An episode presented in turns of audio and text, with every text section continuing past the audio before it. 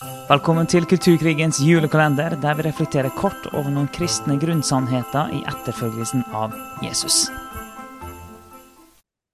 Lille julaften, 23. desember, vi fortsetter på menighet. Vi skal snakke om åndens kraft og gaver, eller et eller annet i den dur. Det, fordi vi mener at det òg er en helt fundamental, grunnleggende del av menighetslivet, og dermed er det òg en helt sånn integrert og viktig del av kristenlivet.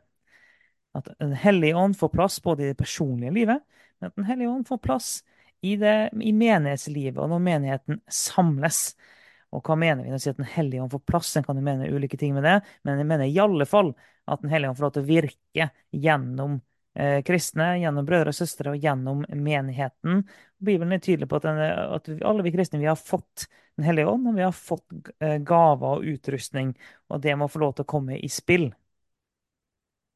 Ja, og gjennom hele Bibelen så ser vi at Gud snakker til mennesker.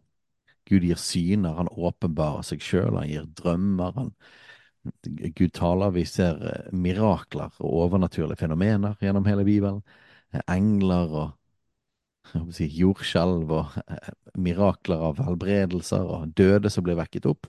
Så, så dette er kjent gjennom hele Det gamle testamentet. Sånn, Israelsfolket, så er det jo massevis av forskjellige overnaturlige fenomener og, og mirakler. Når vi kommer inn i Nytestamentet, så ser vi at Jesus har mer enn noe annet var kjent for å helbrede de syke og kaste ut onde ånder. Så, så eh, den kristne troen er veldig vanskelig å løsrive fra den overnaturlige dimensjonen av åndens gaver og tegn og under og mirakler.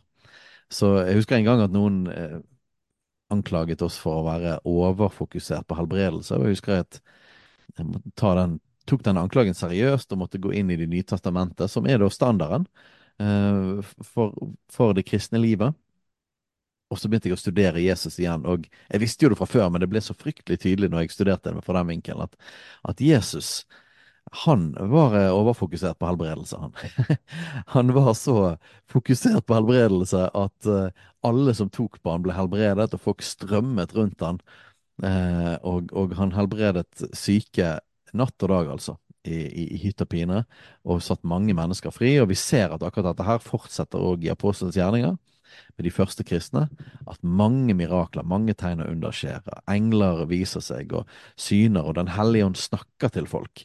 Den hellige ånd taler til de forskjellige kristne og leder de til å kjøre, gjøre forskjellige ting. Så, så, dette er en viktig del av det å være en kristen, en disippel, og å være Guds menighet.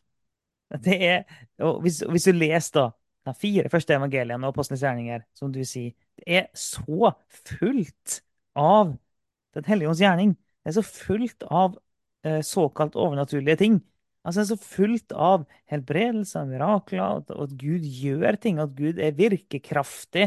Han involverer seg i livene til folk. Gud taler gjennom mennesker, og det er demoner som må fly, og det er blinde som får syn, og det er full pakke.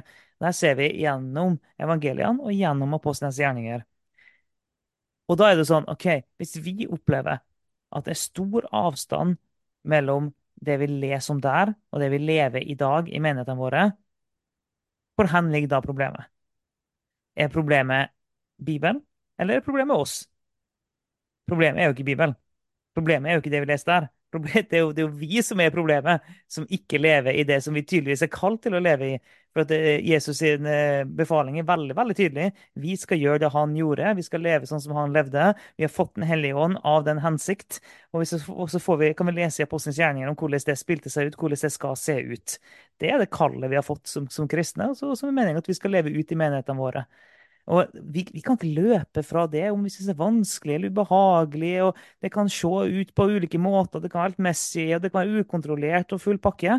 Men vi kan ikke løpe fra det. Og vi kan heller ikke prøve å omstrukturere oss vekk ifra det, eller prøve å strukturere oss på en sånn måte der vi kan få kontroll på det. Det er ikke sånn det funker. Ja, og nå valgte vi å ta dette liksom innenfor menighet, men altså dette er jo mye mer enn menighet. Dette er jo noe som vi er kalt til å vise og demonstrere og leve i langt utenfor, altså overalt i samfunnet. Og det var jo der Jesus gjorde det. Eh, og, i Apostelens gjerninger så ser vi det at i forbindelse med forkynnelse av evangeliet, så var tegn og under utrolig sentralt. Blant annet i apostelgjerninga 8, når, når Philip forkynner evangeliet i Samaria, så så det at eh, de gav alle akt på det han, det han sa, på grunn av de tegnene han gjorde. Så, så vi ser at tegn og under åpner dører for evangeliet. Så både når menighetene samles og blant de kristne, men òg ute i samfunnet, så er dette en veldig viktig del av evangeliet. Og for oss handler dette her om bibeltroskap òg. Det handler Mm. om at vi, vi tror Bibelen, at vi tror dette er for i dag. Um, akkurat på samme måte som når vi snakker om ekteskapet og seksualitet, eller, eller alle mulige slags andre rammer, så tror vi at dette gjelder i dag.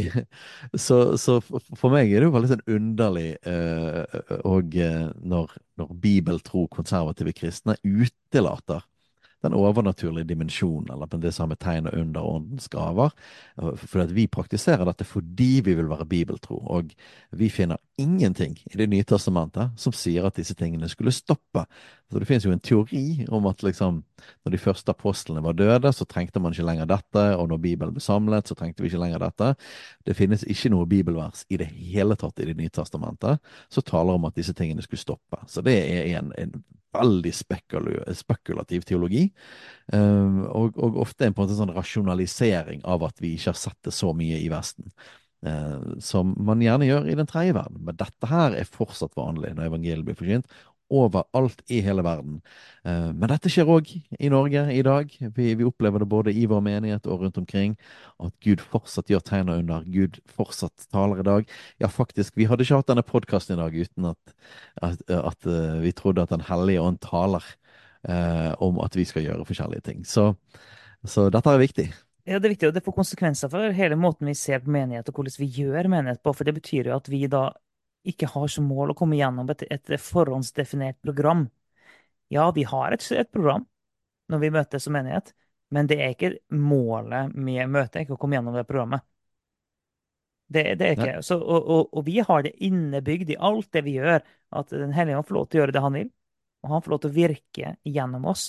Og, vi legger, og, vi ikke, og det er ikke bare en sånn teoretisk øvelse for oss. Vi legger aktivt til rette for at Den hellige ånd kan bruke mennesker at nådegaver skal komme i funksjon. Det legger vi aktivt til rette for. Og det er, det er Og det her må, må, vi snakke om. Det er Terje Dale, en god venn av oss, han sa det at det som ikke blir forkynt, det blir ikke praktisert. Som jeg syns var en utrolig god saying. Og derfor er det sånn at, at hvis en ikke forkynner om Den hellige ånd, hvis en ikke forkynner om nådegaver, hvis en ikke forkynner om det her, ja, så blir det heller ikke praktisert i menigheten. Og det å være bibeltro, forkynne hele, hele Guds råd, forkynne hele Bibelen, det inkluderer å forkynne det her òg. Og når vi forkynner det her, så vil vi jo praktisere det. Mm. Nei, men er det noe som, som vil kunne ha effekt til og med på sekulære, vestlige, sekulære nordmenn, så er det et evangelium som er både tydelig, som vi har snakket masse om, som, som kaller til omvendelse, kaller til etterfølgelse, der vi ikke skygger unna å snakke om synd, og vi snakker også om dom. Men det er òg et evangelium som er full av kraft.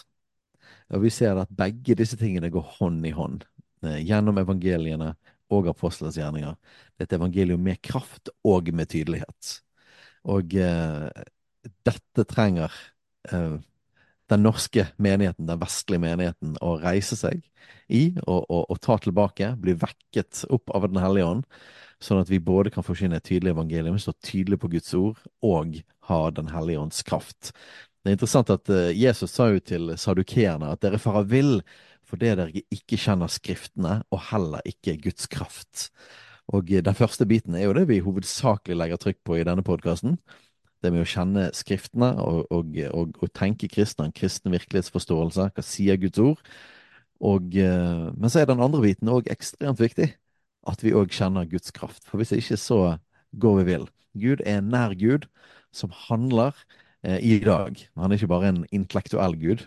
Selv om eh, i denne podkasten så snakker vi mye om filosofi og teologi og de intellektuelle tingene. Men vi må òg løfte opp Guds kraft.